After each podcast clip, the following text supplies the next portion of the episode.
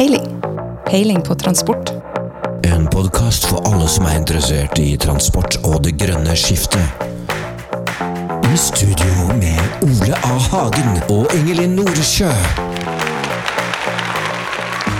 Ja, velkommen til podkasten Peiling. Og I dag så har vi æren av å ønske hjertelig velkommen direktøren i NHO Luftfart, Erik Landstein. Takk for det. Så det er jo en stor dag i dag eh, for oss, Ingelin. Ja, absolutt. I dag skal vi få vite alt som er verdt å vite om norsk luftfart, og ting du ikke visste at du trengte å vite, faktisk. Og Erik Landstein har jo bakgrunn som reisesekretær i Senterungdommen, så vi må starte litt med den politiske karrieren. Du har jo vært politiker og statssekretær bl.a. i Samferdselsdepartementet i mange år. Kan du si kort litt om, eh, om bakgrunnen din? Hvem er Erik Landstein? Ja, Jeg har uh, vært med i Senterpartiet helt siden uh, ungdomsårene. Uh, men politikk på heltid det fikk jeg virkelig prøve meg på når jeg var statssekretær. Først for Navarsete i Samferdselsdepartementet, og senere Kleppa og Arnstad, og jammen ble det en tur i Utenriksdepartementet som statssekretær for Jonas, og til slutt på statsministerens kontor. Så jeg har vært en ordentlig runde i det norske regjeringsapparatet. Så det er jo en ære å sitte sammen med statssekretær. Er det sånn at Hvis man er statssekretær, så har man egentlig lyst til å bli statsråd? Eller er det veldig vanskelig? Det er ikke noe sånn at man rykker opp og blir statsråd, du er vikar kanskje av og til, eller fungerende og sånn? Ja, så Ingelin har jo også prøvd dette her. Og det man erfarer som statssekretær, det er at det er et helt sinnssvakt kjør å være statsråd. Og hvis du har en dyktig statsråd som har tillit til deg, og gir deg rom, så er mulighetene for å kunne jobbe med sakene og få til praktisk gode resultater kanskje vel så stor når du er statssekretær. Og så eh, er det statsråden som må ta støyten hvis noe går ordentlig gærent. Så eh, det å være statssekretær eh, er undervurdert, mens det å være statsråd det, det, vil jeg si, det er eh, ekstremsport. Ja, jeg kan være helt enig i det. Det var en veldig god beskrivelse. Men vi må jo bare sjekke, da, for det er ofte sånn man er politiker, så er det litt viktig å vise hva man egentlig har fått til. Eh, og Hvis vi ser tilbake i denne ganske lange statssekretærperioden i, i, sum, Erik, hva vil du si er det viktigste du har fått til? Jeg har hørt at du har lagt ned en flyplass, blant annet. Ja, Det viktigste prosjektet det var da Senterpartiet kom inn i regjering i 2005. Det var at uh, samferdselsbudsjettet, som hadde vært veldig veldig lavt på investeringssiden i lang tid, skulle opp. Eh, og Liv Signe Navarsete, som da var min statsråd, hadde begrenset erfaring fra rikspolitikken. Eh, og jeg fikk lov å være kopilot med henne for å legge opp et ganske så rått løp for å rett og slett snu helt opp ned på på, på, det departementet budsjettmessig. Så eh, vi la opp Jeg sa til, til Liv Signe vi kan godt skrive R-notater. Eh, og jeg kan godt gå i statssekretærutvalg og si at vi bør ha mer penger for å kunne investere i, i vei og jernbane og, og andre samferdselstiltak. Men uh, det kommer det ikke til å komme så mye ut av. Så vi satte i gang et, eh, et langsiktig påvirkningsarbeid som faktisk handlet om å påvirke partiene og regjeringssystemet utenfra.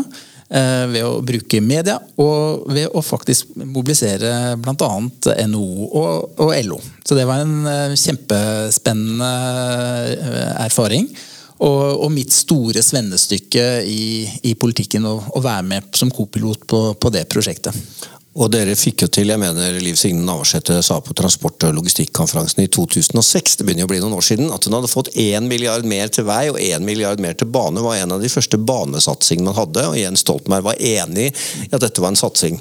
Men så kom det jo en regjering, vi har jo Inge Lind som har vært statssekretær i en annen regjering, eh, en Solberg-regjering, og de har jo kanskje brukt enda mer ressurser på samferdsel, men er det fordi de bare bygger sten på sten på det du la grunnlaget for? Ja, altså, det er jo ofte sånn i politikken at man, man, får noen trendskifter. Og så bytter man litt på rollene. Uh, og Elbilpolitikken er jo et godt eksempel. Uh, man begynte i Norge å si vi skal tilrettelegge for elbilpolitikken. Og så ble det lagt fram forslag om det. Og så sier opposisjonen nei, det er for lite og det kommer for sent. ikke sant? Og så blir dette som begynner i det små, noe som blir veldig stort. Og tilsvarende så vi når det gjaldt samferdselspolitikken. Det hadde vært bitte små bevilgninger, og man hadde ikke innfridd målene for NTP. Og så var det en, en vekselvirkning der ulike politikere bøy dette opp. Men, men knekkpunktet kom faktisk eh, med, med Navarsete. Og det, Det er det ikke så mange som husker i dag, men for de av oss som sto midt oppe i den snuoperasjonen, så det, var det kjempespennende. Og så er jo problemet uh, at vi kanskje ikke var flinke nok, verken vi eller de som kom etterpå, til å stille kritiske spørsmål om hvordan bruker vi pengene, sånn at vi får nok igjen for de store investeringene som vi, vi bruker i denne sektoren. Og Hvis vi bruker eh, størrelsesorden 30 milliarder i år over statsbudsjettet og samferdselsbudsjettet til jernbane, vi, får vi nok igjen for pengene, hvis du gjør en eh, litt sånn uhildet vurdering? Eh, nå, jeg, nå er det så lenge siden at jeg har jobbet med det at jeg skal være litt forsiktig. Men det er klart at hvis du ser på mengden f.eks. godstransport som går på bane versus vei, og hvor mye penger vi må bruke på å drive den jernbaneinfrastrukturen, så, så er det klart at det er, det er noen, mm, det er noen paradokser i ressursbruk i forhold til hvor, hvor godsstrømmene går. Og nå som jeg er i, i luftfarten, så, så, er det klart at hvis vi snakker om å skulle bygge jernbane til, til Tromsø, som enkelte tar til orde for, så er det altså så enorme investeringer og så store karbonutslipp eh, knyttet til dette, samtidig som det vil ta veldig lang tid hvis man skal reise med jernbane i, forhold til, til fly. At, at er, er, det riktig å bruke penger til og med en gang på å utrede det? Jeg stilte opp på et fylkesårsmøte i Troms Senterparti da jeg var statssekretær i Samferdselsdepartementet og sa at jeg syntes ikke det var en god idé. Eh, jeg ble ikke helt på det fylkesårsmøtet. Jeg tror vi i bransjen, i logistikkbransjen har jo sagt veldig tydelig at det er ikke noe markedsbehov for å bygge en Nord-Norge-bane. og Gods på bane omsetter ca. en milliard, og omsetningen for logistikkbransjen er ca. 150 milliarder. Så det er jo noe med dimensjonene. Men nordlendinger vil jo si at nå er det vår tur, og vi vil ha trikk og caffè latte og alt. Men uh, Ingelin, er det egentlig denne Selv om vi skal handle om luftfart i dag, denne Nord-Norge-banen, er det stemning i Nord-Norge for at nå er det vår tur, og nå må vi bygge denne banen? Stemninga i nord er nok sånn at eh, ja, det er litt uh, vår tur, men det spørsmålet som jeg syns er viktig at nordlendinger stiller seg, det er hvor mye samferdsel kan vi få for eksempelvis 120 eh, milliarder, som de første beregningene viste at det skulle koste å bygge Nord-Norge-banen. Og de beregningene er jo kjempegamle, så det ville jo bli enda mye mer penger enn det. Men la oss si 100 milliarder, da. Hvis vi hadde det i nord, hva skulle vi bruke de pengene på for å få eh, mest mulig transport og nytte for næring og folk? Det må jo være kjernespørsmålet. Vi skal straks gå litt videre på luftfart, men vi må litt om familieforhold, Erik. Fordi du har jo en mamma som er ganske kjent, og som ble kjent som nei-dronningen. Var det mye nei da du vokste opp eh, hjemme? Nei, altså det, det var, hun, hadde, hun var profesjonelt nei, men uh, privat ja.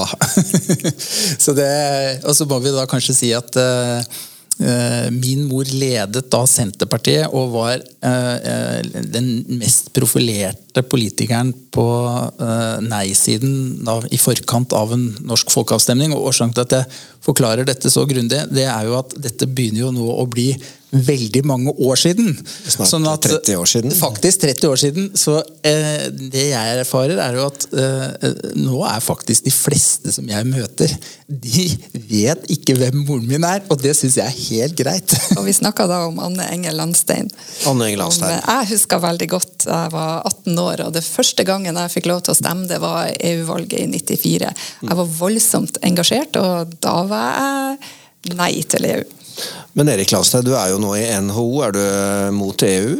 Ja, personlig så står jeg fast, og jeg er faktisk også er aktivt medlem helt lokalt i Senterpartiet. Mm, så det er jo, eh, men, men, men det, er ikke, det, er ikke, her på jobben hvor, hvor, hvor dette, den siden av mitt engasjement kommer til uttrykk. Nettopp. Så du er ikke blitt medlem av Europabevegelsen, eller eh, Hva med deg, Ingelin? Du er ja eller nei nå? Jeg er på, jeg er på glid, må jeg si. Så, eh, så verden har forandra seg, og vi er totalt avhengig av EU. Bl.a. for å få til det grønne skiftet. Så jeg er nok mer på ja enn på nei i dag. Og Hvis vi brygger en bro fra EU til luftfart, så var vel eh, nemlig luftfartssektoren en av de viktigste områdene som ble deregulert. Det startet i USA på 80-tallet, og så fortsatte det på EU eh, tidlig 90-tall. Og Dereguleringen av luftfartsmarkedet det har jo hatt store konsekvenser for Norge. Og for mange kanskje positive konsekvenser, i hvert fall for forbrukere. Altså, I motsetning til f.eks. Eh, landtransport, hvor man har eh, fortsatt en del begrensninger for muligheten til å operere på tvers av landegrensene, så er prinsippet i luftfarten at eh, det er full frihet til å kunne drive flyruter også i, andre land. Så det er ingen kabotasjeregler. Her er det ett et, et, fritt marked. Det kan jo bli noen utfordringer kanskje knytta til bærekraft, arbeids- og lønnsvilkår osv. Er NHO Luftfart på denne ballen? Jeg tenkte I fjor så var det vel et selskap fra Ungarn som etablerte seg i Norge? Ja, det er klart at eh, i Norge så har vi jo en ja, vi, vi, driver jo ut fra norske lønns- og, og, og, arbeidsvilkår. Her er det jo slik at vi opplever jo dette utfordrende for selskap som Ryanair og, Ovis. De har, um, de har helt andre vilkår for sine ansatte. Vi, vi, løper en høy risiko med tanke på at Eh, den typen selskaper også på nytt skal kunne vurdere å etablere seg tungt i, i, Norge. Hvis det skal være konkurranse, så må vi sørge for at det er konkurranse på like vilkår. Og, eh, det er en utfordring hvis man kan ta med seg helt andre lønns- og arbeidsvilkår eh, inn i et norsk arbeidsmarked. Eh, vi håper jo at eh, vi kunne klart å bli enige med våre fagforeninger om å få etablert eh, bransjedekkende tariffavtaler. I dag så er det sånn at vi har tariffavtale med, for, for, hver enkelt bedrift, og for både piloter og kabinansatte. Eh, vi tar det litt for gitt at dette luftfartssystemet fungerer så godt som det gjør. For det er jo helt utrolig. ikke sant? Man kan være et sted på Vestlandet eller i Nord-Norge, og sjors, sjors, så er man kommet seg til Oslo og, og, videre ut i verden. Og det er jo fordi at man faktisk har et samarbeid mellom Widerøe og SAS og Norwegian, sånn at når du sjekker inn bagasjen din, så blir den sendt hele veien. Og hvis det skjer noe uh, uregelmessigheter, så tar flyselskapene ansvar for at uh, du kommer deg frem så, så, godt som mulig. Men hvis vi hadde fått inn aktører som Ryanair og Wizz, som hadde tatt en stor del av markedet mellom de største byene uh, i Norge, så ville muligheten for å fly på denne måten integrert og helhetlig eh, blitt veldig veldig svekket. Og vi ville totalt sett fått et veldig mye dårligere transporttilbud. Og det er det få som er oppmerksom på. Men nå er vi godt inne i NHO Luftfart, føler jeg. Og eh, hvis vi går litt inn på hva NHO Luftfart er, hvem er medlemmene, og hva er liksom de viktigste prioriteringene for NHO Luftfart? Ja, vi, vi, har jo de største flyselskapene.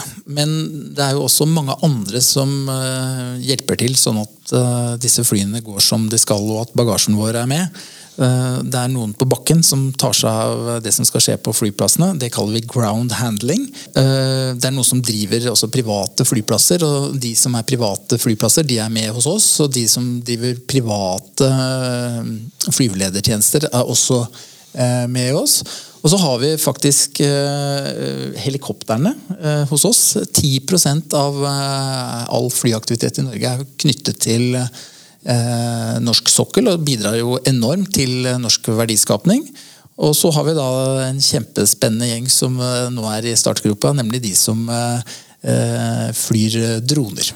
Og Droner er jo en av de, de, områdene som det åpenbart kommer til å være mye innovasjon på. Vi hadde Ketil Solvik-Olsen her, han er jo, styreleder for en droneforening, som sikkert er medlem hos dere. Men er det sånn at eh, droner kommer til å forandre ikke bare det å fly langt ut til en øy eller til en offshore-installasjon, men også byområdene. Vi ser jo at I Trondheim så har det vært et droneforsøk hvor man flyr fra Trondheim også til hyttemarkedet for å levere ting. Kan være medisiner eller mat.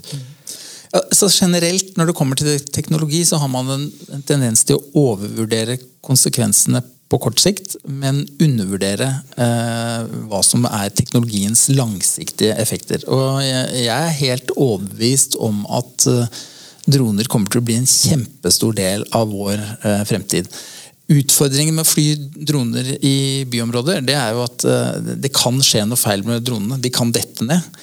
Eh, de representerer en potensiell altså en forstyrrelse både lydmessig og visuelt. Eh, så jeg tror nok at vi vil se mest bruk av droner eh, i, ja, Ikke tettbygde strøk? Ja, jeg, jeg, jeg, tror man skal være forsiktig med å, å, spå for mye. Men det som vi i hvert fall ser, da, det er at det brukes for til inspeksjon av kraftledninger, hvor man tidligere brukte helikopter. og Når dette kan gjøres eh, med droner, så blir det veldig mye rimeligere. Det er med mindre miljøbelastning eh, og med mindre risiko. For det at det å fly rundt eh, sånne strømkabler, det er, det er ekstremt krevende. Jeg syns det er veldig spennende at man ser på, på løsninger hvor man f.eks. kan bruke droner til å transportere tidskritiske deler eh, ut til eh, norske plattformer, eller mellom plattformene, istedenfor at du må sende et helt helikopter av gårde. det vil kunne gå mye raskere og være billigere og ha vesentlig mindre utslipp. Og Det som er spennende, og som folk ikke vet, det er jo at denne næringen, der er Norge faktisk ganske langt fremme. og, og 80% av omsetningen til eh, dronenæringen den går faktisk til eksport. Så Vårt mål er jo at Norge skal være et godt sted å drive og utvikle disse tjenestene. Ikke bare fordi at vi har den typen samfunnsgevinster som jeg nevnte i sted, men også fordi at dette er en spennende ny næringsmulighet. Men jeg må jo spørre, fordi jeg var i Kina for eh, fire-fem år siden. og Da var jeg på et visningssenter for Alibaba, et av verdens største tech-software-selskap. Og De hadde et framtidsscenario der at de viste at i framtida så ville ikke befolkninga ha behov for kjøleskap lenger. Og da var jo ideen at du on demand kunne bare bestille kald melk fra et sentrallager når du trengte det. Kommer vi dit? Ja, det er, det er, så mange scenarioer og så mange muligheter som uh, Men, men jeg, det, det, å transportere ett og ett glass melk ut til hver enkelt forbruker, det høres ut som en krevende logistikkoperasjon. Så jeg tenker at det er andre scenarioer som vi bør ha mer fokus på, hvor muligheten til å bygge både kompetanse og tjene penger på kort sikt. Da. Og jeg, jeg for eksempel, altså, Vi har et selskap borte i Stavanger som heter Nordic Unmanned som ikke bare driver med spennende scenariotenkning, men som utvikler konsepter som eh, er eh, veldig salgbare i et marked eh, i, i, i, dag. Og så kan det godt hende at vi kommer dit, men, men når vi vet hva en, en pizza koster, så, så, er det klart at det, det, å få det levert med en drone er noe annet enn hvis du har en offshore-del. Så, så jeg tenker at vi må vi må, må, begynne der hvor mulighetene for å tjene godt med penger er best. Og Det å tjene godt med penger er selvfølgelig fristende, men det er jo noe med bærekraftsperspektiv her, og vi må innom det at eh, luftfarten har jo vært et område hvor vi har fått høre at eh, man skal skamme seg, fly skam. Eh, som ikke er så lett hvis du bor i Berlevåg eller i Gamvik da i nord er helt avhengig av flyet som en buss egentlig for å komme deg til og fra møter. Er det eh, mulig å se for seg løsninger? Hva er, hva er liksom framtiden for å få til en bærekraft bærekraftig luftfart, eh, Erik? Ja, Det er jo eh, mange uh, spor som har stort potensial. Eh, og så vet vi jo ikke på forhånd hvordan dette vil bli. Men hvis vi tar liksom, tallene litt i stort, så står nasjonal luftfart for i overkant av altså mellom 2 og 3% av de utslippene. Og tilsvarende er det også globalt. Også fordi at vi nordmenn flyr mer enn snittet og har en del lange internasjonale reiser, så sier vi kanskje 5% av våre utslipp totalt sett er knyttet til, til, til, luftfart. Det er slik at en nordmann i snitt flyr 50 ganger rundt ekvator i løpet av et liv? Ja, det kan godt være. Det, uh, jeg, vi flyr ganske mye, egentlig. vi gjør det. Vi er blant de som flyr aller mest i hele verden. Og det har sammenheng både med den geografien vi har i, i Norge, men også at vi har et høyt inntektsnivå, og at inntektene er ganske godt fordelt. Eh, og folk som har eh, en ok økonomi, de ønsker å dra på ferie. De studerer og arbeider på en annen måte enn folk som har dårlig råd. Så det er liksom forklaringen. Men tilbake, hva gjør vi med dette? Ja. ja. Det å få eh, fly som kan gå på el, er jo spennende. Der kommer regjeringen ut med en høring nå eh, i juni. Eh, hvor de sier vi vil gjøre det vi kan eh, i Norge for å tilrettelegge for at vi skal kunne ha tidlig introduksjon av elfly og, hydrogen, og eller hydrogendrevne fly på kortbanenettet. Widerøe Zero har vel varslet at eh, de ønsker 50 elfly? De har veldig store ambisjoner for å, å være drivende i denne utviklingen eh, på global basis. Eh, å introdusere denne typen eh, fly eh, så tidlig som det lar seg eh, gjøre. Det som er viktig for oss, det er jo at vi sørger for at vi har flytyper tilgjengelig i verden som faktisk egner seg for å fly under norske forhold. Fordi det å fly langs norskekysten med det været eh, som vi har her, med saltvann og rett og slett ganske så tøffe forhold, det er eh, Annerledes. Det er veldig annerledes. Eh, og vi trenger at det er noe som rett og slett lager fly som eh, kan være miljøvennlige, og som eh, passer til norske forhold. Og det gjør de òg. Men uh, fly er nok en del av løsningen oppe i nord, er det ikke det, Ingelin? Jo, den er jo helt essensiell. Og jeg tenker jo vi må ha med oss også perspektivet om hvorfor flyr vi. Flyr vi for eh, underholdning og ferie? Tar vi en helgetur til New York, en helgetur til London? Det er bra mange som gjør det. Eller flyr du for å komme deg på jobb, eller faktisk å kunne reise internt i en region? som hvis du skulle kjøre bil, ville ta åtte til tolv timer, eller hvis du flyr, så kan du komme dit på én til to timer. Og, og flyruten Widerøe sine flyruter i nord og på Vestlandet er jo helt sentralt for at folk skal kunne leve og bo der. Så Det er jo, det er jo bussen, det er jo det man kaller det. liksom Bussruter med mange stopp. Og det koster samfunnet en del. Men er det da er det sånn at, at uh, prisene der er akseptable? Hva skal vi faktisk gjøre med det prisnivået man har på ulike typer flygning? For flyr du fram og tilbake til New York i helg, så kan du få billetter ned i 600-700 kroner. Kanskje. Det var det for noen ja, år siden. Det var noen år siden. Jeg tror 5000 for det. Ja, men jeg husker når Norwegian i en periode hadde flybilletter over eh, dammen eh, til sånne priser. Det var helt horribelt. Samtidig satte familier i Berlevåg og skulle kanskje på konfirmasjon i Sandnessjøen.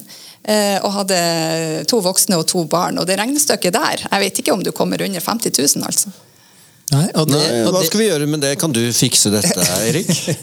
Nei, vi, vi, vi, driver ikke og tryller i, NHO. Vi gir eh, saklige og faglig begrunnede uh, råd til myndighetene. Og eh, Det som er grunn til å merke seg, fordi det er rett og slett en ganske stor nyhet, det er jo at politikerne de, de, de, ser nettopp det som Ingelin sier, at, at det er dyrt å, å skulle fly Eh, når man ikke er i stamrutenettet, hvor du liksom får så store volumer at markedet gjør at dette blir så effektivt at prisen blir eh, akseptabel.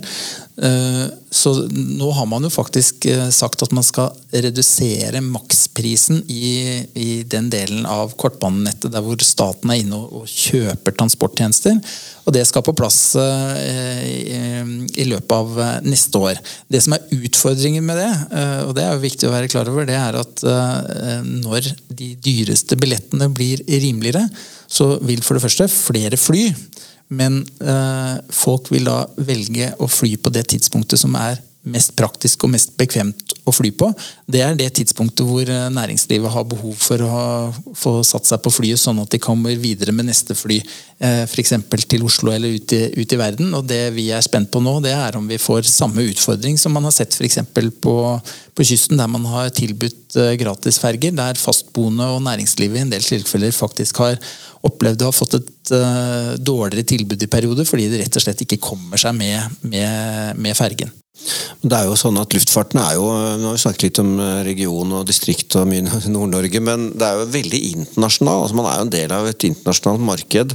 Eh, jobber NHO Luftfart liksom, for rammebetingelser inn mot EU, mot NHO Luftfart i Sverige? Eller er det, er det et slags fellesskap for hvordan man skal utvikle eh, denne bransjen? Altså, det er jo en av de mest internasjonale bransjene. Eh, både fordi at den i sin karakter er eh, ekstremt mobil over store avstander, eh, men også fordi at den er veldig standardisert. Man kjøper de samme flyene, man har de samme sikkerhetsprosedyrer. og. Og... Ja, og ikke bare det, men, men, du må bruke akkurat samme type verktøy for å skru på akkurat samme type skruer som skal være godkjent i akkurat samme type system, og alle må være igjennom akkurat samme utdanningssystem over hele Europa. Og, og altså Europa og USA har vært, sine systemer, men de er ganske like. Så det gjør jo at, at um, det er uh, veldig fornuftig at også politikken som regulerer uh, denne næringen, er samordnet på tvers av eh, landegrensene. Og Det betyr jo at vi selvfølgelig også da må jobbe mot Brussel og mot eh, våre nordiske kolleger, sånn at vi utvikler felles posisjoner.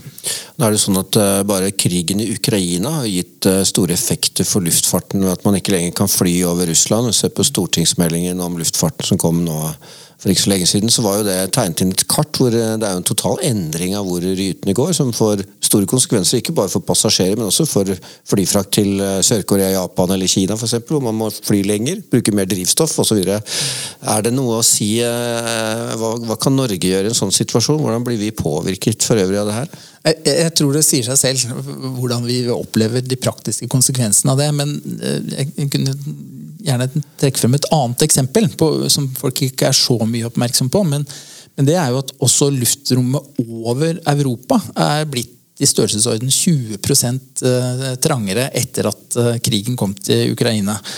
Eh, og um, det gjør at eh, vi nå i sommersesongen vi er spente på liksom hvordan skal trafikkavviklingen gå. Fordi, det blir mye kø i lufta, eller kapasitetsutfordringer? Kapasiteten er eh, helt liksom i, i, taket både i forhold til luftrom, i forhold til tilgjengelig personell og i forhold til tilgjengelig fly. Så vi håper og tror at dette skal, skal gå bra.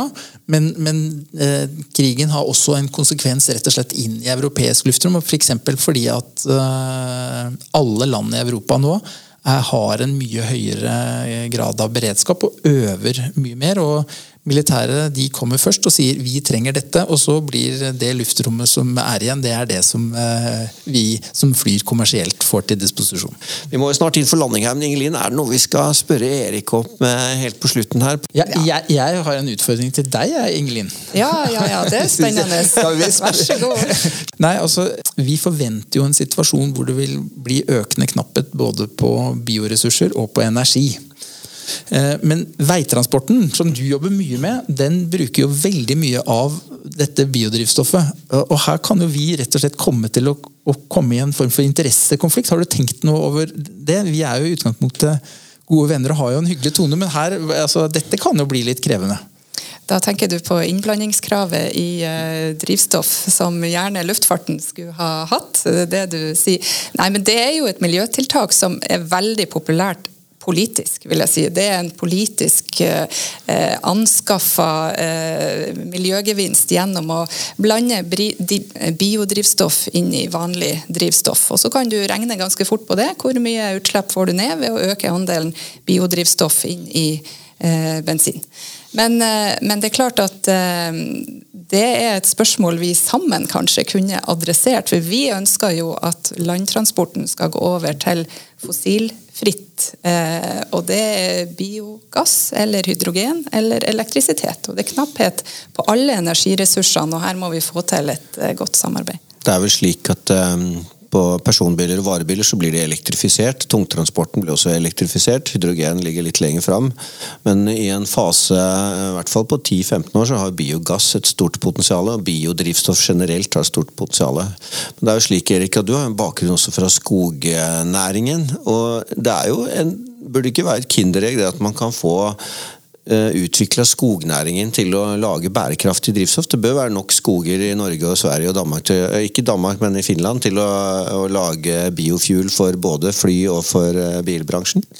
Ja, Det som er verdt å merke seg, da, det er at i Sverige og Finland, som har større skogressurser enn det vi har i, i Norge, så har man uh, vært flinkere rett og slett til å drive treforedlingsindustri enn det vi har vært i Norge. Det gjør at i motsetning til Sverige og, og Finland, som stort sett da, bruker mesteparten av skogsråstoffet sitt, så har Norge gått fra å være en importer, importør av skogsråstoff for industriell bearbeiding til å bli en råstoffeksportør eksportør.